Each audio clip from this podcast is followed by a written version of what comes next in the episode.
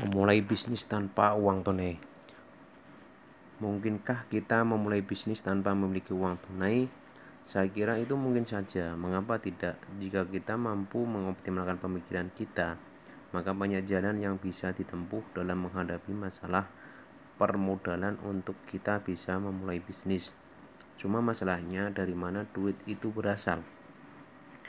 Logikanya semua bisnis itu membutuhkan modal uang Memang kebanyakan kita selalu mengeluh ketidakadaan modal uang sebagai alasan mengapa kita enggan berwirausaha.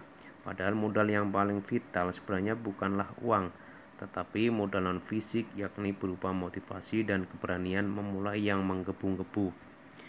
Saya yakin jika hal itu bisa dipenuhi, maka mencari modal uang bukanlah persoalan yang tidak mungkin.